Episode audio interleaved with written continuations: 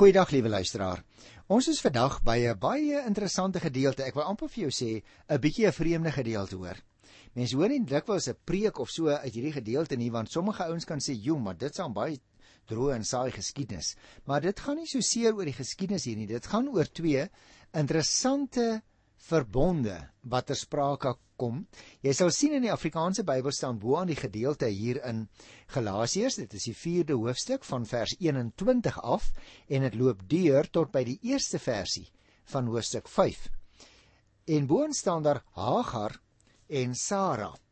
Nou, uh, miskien moet ek eers vir jou sê waaroor dit hier gaan en dan kyk ons bietjie meer na die detail want Sara en Hagar en hulle kinders, moet ek miskien byvoeg, dien hier as twee spesifieke voorbeelde. Paulus gebruik naamlik die geskiedenis van Sara en Hagar om te verduidelik waarom die gelowiges daar in Galasië hulle nie minderwaardig teenoor die Joodse Christene moet voel en daarom weer soos slawe moet begin lewe nie. In die groot vergelyking wat Paulus maak, stel hy Hagar en haar seun gelyk aan die Jode wat nie in Christus wil glo nie. En aan die ander kant, Sara en haar seun stel hy gelyk aan die Christene. Met ander woorde, Hagar word as 'n ware 'n beeld daar van die ongelowiges en Sara word 'n beeld van die Christusgelowiges. Paulus keer dus terug na sy eintlike argument van die Jode presies om deur Sara en Isak aan te dui nie as die voorsaate van die Jode wat deur wetsonderhouding vryspraak wil verkry nie, maar van alle gelowiges. Dit wil sê van almal wat op God se manier. Wat is God se manier? God se manier is vryspraak deur geloof. Nie verdienste nie. Daarom is sulke Christene wat hulle beroep op wat Christus gedoen het, die nageslagte van Abraham en daarom is Sara en haar seun Isak van hulle 'n beeld. En hiermee natuurlik luisteraar sluit Paulus sy verdediging van sy leer oor die vryspraak uit genade af. Daarom is dit interessant, jy kan nou sê nou hoekom uh, loop die gedeelte deur net tot by die eerste versie van hoofstuk 5. Nou ja, jy moet onthou ek het al vir jou verduidelik. Aanvanklik was daar nie uh verse en hoofstukke nie en later is die Bybel ingedeel en het die aanvanklike indeling is gemaak tot aan die einde van vers 1 en dit is ook tereg so. Mens sou miskien kon sê miskien moes die 5de hoofstuk begin het by uh, hoofstuk 5 vers 2. Maar dit is nou maar so en uh, dit het nou niks met ons saligheid te maak nie. Daarom laat ek nou nie meer tyd daaraan spandeer nie. Kom ons kyk dadelik na Galasiërs 4 vers 21. Julle wat so graag aan die wet van Moses onderworpe wil wees, sê vir my. Hoor julle nie wat die wet sê nie? nou Paulus slaan hulle so 'n bietjie hierso so ek sê met 'n lae hou nê want hulle wil nou so vreeslik hulle self aan die wet van Moses ook hou en nou wil hulle begin om weer al die ou uh, wettiese verpligtinge uit te voer. Hy sê vir my hoor hierso. Julle wil julle so graag aan die wet van Moses uh, wil hou, sê vir my. Hoor julle nie wat die wet sê nie? Die apostel doen nou 'n beroep op hulle verantwoordelikheidsin. Hy sê hoor nou kom ons praat 'n bietjie oor. Julle wil mos nou so so so streng met hierdie goed wees. Kom ons gesels daaroor. Want hulle wat so optree dat 'n mens kan sien dat hulle weer hulle self aan die wet wil onderwerp, moet nou keurig na die wet gaan luister, sê die apostel. Want die wet bevat baie meer as net eise. As dit nou keurig gelees word, sal die lesers agterkom dat hulle nie korrek gelees het nie of dat hulle nie mooi geluister het na wat hulle lees nie. Met die uitdrukking die wet luisteraar kan natuurlik verskillende dinge bedoel word, byvoorbeeld die 10 gebooie of alles wat aangeteken is in die eerste 5 boeke van die Bybel. Dit word ook soms maar as 'n versamel uh, term gebruik vir daai eerste 5 boeke, dan sê ons die wet. Nou dan kry dit natuurlik die betekenis van die geskrifte waarin die woorde van Moses hoofsaaklik opgeteken is. Nou, goed, sê Paulus, kom ons praat dan nou met mekaar 'n slaggie oor daai goed as dit dan nou vir julle so belangrik is want dit lyk vir my julle verstaan dit heeltemal verkeerd. Dit is dus duidelik, liewe luisteraar, dat die toon van Paulus ges se gesprek met hulle hierso nog 'n keer verander. Die apostel spreek hier die gemeente baie pertinent aan as mense wat op die punt staan om die leiding van die dwaalleraars te volg en hulle wil weer eens onder die juk van die wet geplaas word. As hulle so gestel is op die wet, is die minste wat hulle kan doen, sê Paulus, kom ons praat daaroor. Vers 22. Daar staan tog geskrywe. Nou jy sien, 'n luisteraar, ek wil dadelik vir jou sê as ek een van daai ouens was, dan sou ek nou nie met Paulus wou bots oor die wet van Moses nie.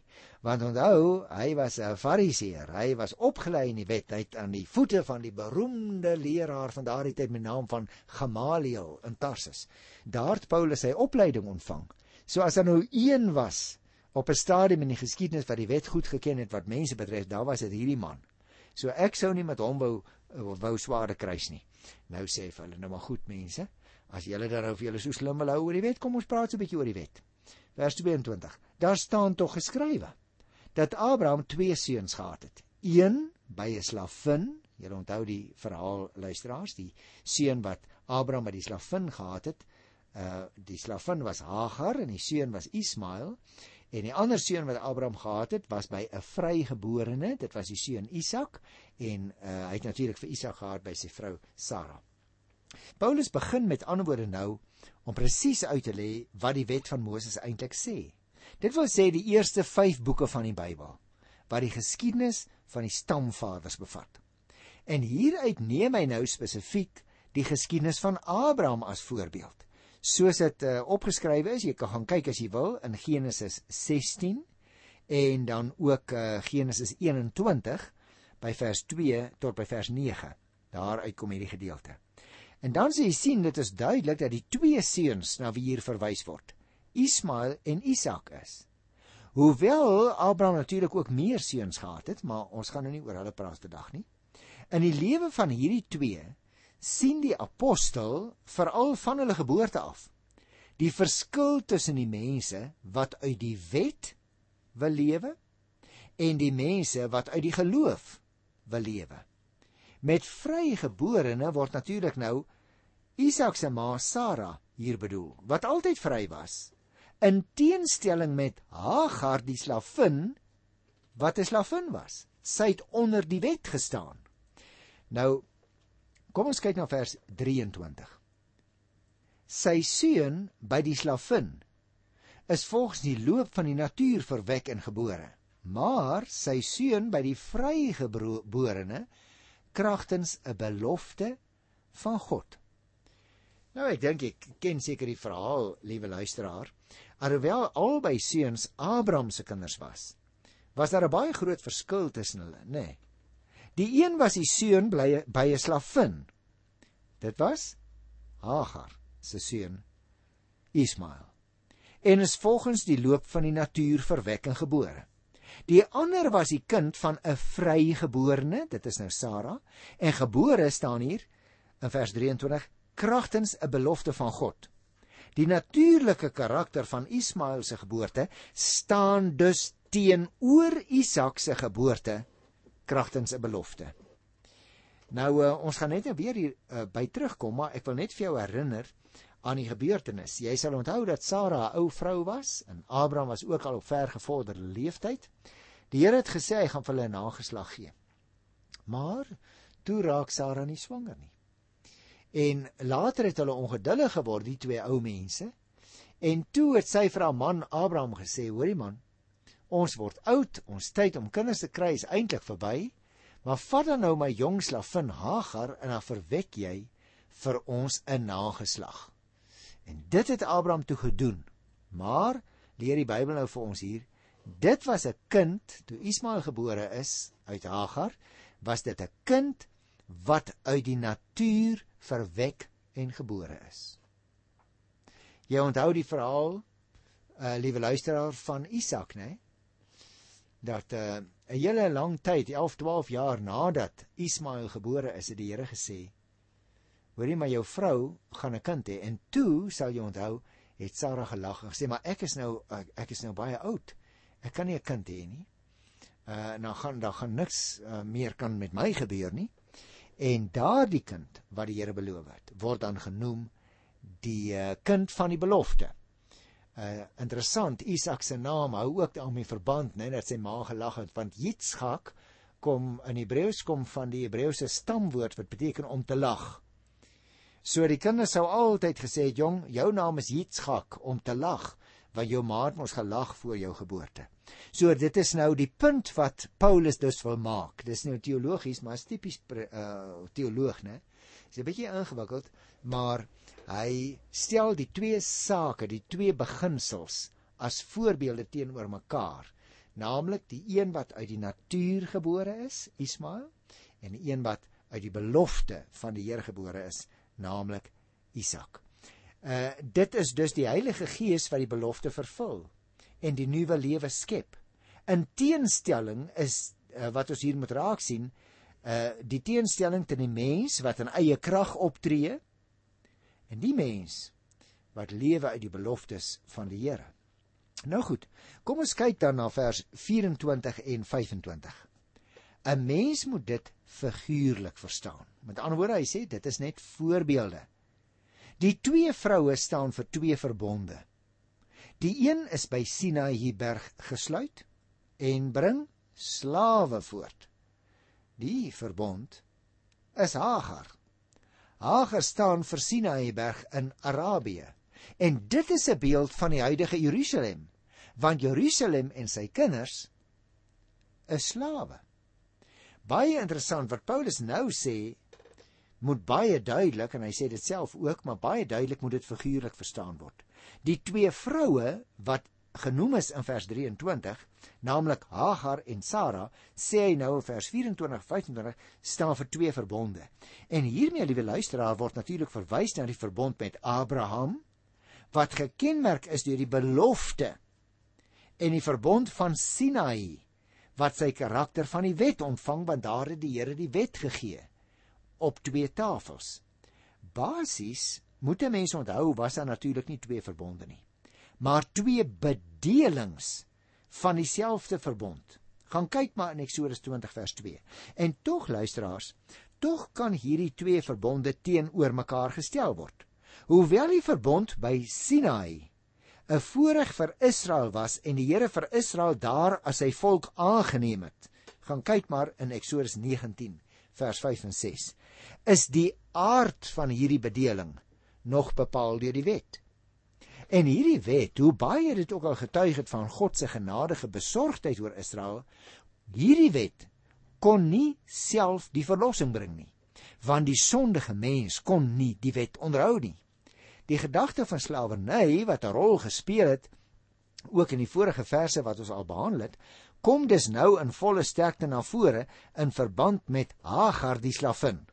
Jy sien, net soos sy vir Abraham alleen 'n slawe kind in die wêreld kon bring en Ismael beeld is van die mens met sy ou sondige natuur omdat haar kind deur die krag van natuurlike voortplanting in die wêreld gebring is, net so kon die wet solank dit op menslike krag staat gemaak het soos dit by die Jode wel die geval was alleen die gees van 'n slaaf of van slawerny skep Daarom word dan nou van die verbond gesê dat dit by Sinaï berg gesluit is en slawe voortbring. Hagar verteenwoordig dus die verbond van die wet wat 'n slaaf van 'n mens maak en die Jode van Jerusalem is nog steeds slawe van die wet. Paulus is besig om vir vir die mense hier in Galate te sê hoor hierson. Dink maar net aan die klomp Jode daar in Jerusalem by name by die tempel. Hulle is nog steeds gevangenes van die wet. Hulle is ondergeskik aan die wet. Maar nou, en dis die punt, liewe luisteraar.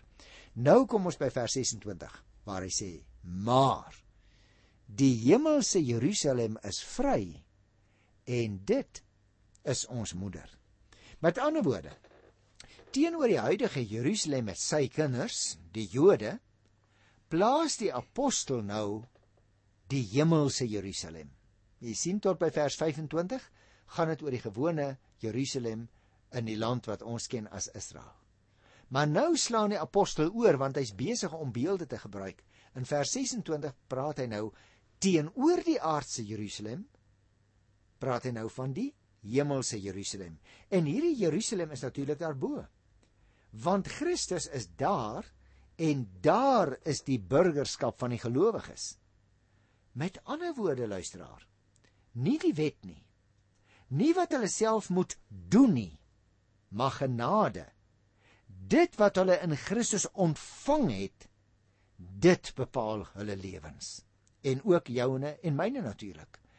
Daarom kan Paulus na hierdie Jerusalem as moeder verwys.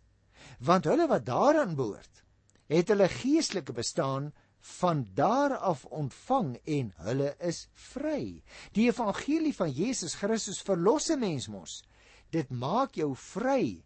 Dit wek 'n nuwe lewe in jou. Dit is die betoog waarmee die apostel besig is in hierdie gedeelte. Hy wil hê teenoor natuurlike vryheid wat nie regtige waarlike vryheid is nie. Daarteenoor staan die werklike ware vryheid wat 'n geestelike saak is dat God jou verlos en dit moet natuurlik praktiese neerslag vind in jou lewe elke dag. Daarom liewe luisteraar wil ek sê, daarom adem dit die vryheid van Christus se verlossing en bring dit in teenstelling met die wette van Sinai 'n vry nageslag voort. Paulus trek dus eintlik die parallel met Sara en Hagar steeds verder deur. Terselfdertyd word 'n bekende Joodse uitspraak gebruik, naamlik Jerusalem is ons moeder, so die Jode altyd gesê. En nou word dit heeltemal nuut geïnterpreteer in die lig van die Christelike geloof. Die wat aan die nuwe bedeling behoort, kan inderdaad aanspraak daarop maak dat hulle die geestelike nageslag van die hemelse Jerusalem is. Kom ek lees vers 27 want dit raak nou baie interessant. Nou gaan Paulus direk aanhaal uit die Ou Testament. Hy sê daar staan immers geskrywe: Verbly jou onvrugbare wat nie kinders kon hê nie. Juig van vreugde, jy wat nooit moeder kon word nie. Want die kinderlose vrou wat deur haar man verlaat is, sal meer kinders hê as die vrugbare wie se man by haar is. Nou baie interessant dat hy die wil amper sê van die hemelse beeld af spring hy terug na die aardse situasie. Want om dit wat hy gesê het toe te lig, haal Paulus nou aan uit Jesaja 54 vers 1. As jy daar sou wou gaan kyk. Hierdie aanhaling luisteraar verwys na Sion se herstel en die grootheid van Sion, die berg Sion, na die ballingskap, né, toe die tempel weer herstel is. In hierdie profesie word die belofte nou gemaak dat sy wat onvrugbaar en verlate is, soos 'n vrou wat deur haar man verlaat is, staan daar en kinderloos is, meer kinders word bygevoeg sal hê as in die tyd toe sy voor die ballingskap nog nie deur die Here verlaat was nie. Paulus pas dit dus toe op die hemelse Jerusalem wat baie kinders sal hê deur die genade van die Here. Die aantal kinders is nie afhanklik van natuurlike verwekking of menslike ontwikkeling nie. Maar weet julle wat? Daardie groot finale skare voor die troon van die Here, sê Paulus, hang af van God se mag, nie van mense nie. Wat lewe gee, waar dit onmoontlik lyk vir ons ou mensies. En in so 'n oorvloed gee God lewe dat dit die moontlikhede waartoe die mens in staat is baie ver oortref. Die kerk, luisteraar, is nie die vrug van mense nie die kerk, die geloof as jy wil, die Christene as jy wil, is nie van menslike oorsprong nie. Dis vanweë God se skepende genade dat gelowiges gered is uit die duisternis en geroep is tot die wonderbare lig. Daarom kom ons kyk na vers 28. En julle my broers is net soos Isak, luister nou mooi kragtens die belofte kinders van God. Wonderlik. Paulus pas nou toe wat hy gesê het op sy lesers in die voorafgaande verse. Hy noem nou hierdie mense sy broers. Hy praat op 'n mooi manier met hulle. Hy wil hulle oortuig van sy eie goeie bedoelings. Hulle wat die prooi geword het van die valse leraars, moet insien dat hulle eintlik kinders is van Abraham net soos Isak 'n seun was van Isak. hulle net soos Isak het hulle bestaan as kinders van van Abraham te danke aan die belofte en die lewewekkende krag van die woord van God. Hulle is die kinders van die Gees. 'n Mens luisteraar kan net vanweë God se genade 'n kind van die Here word. En dan word jy gesien as deel van die nageslag van Abraham aan wie die Here beloof het dat hy vir hom 'n groot geslag sal gee.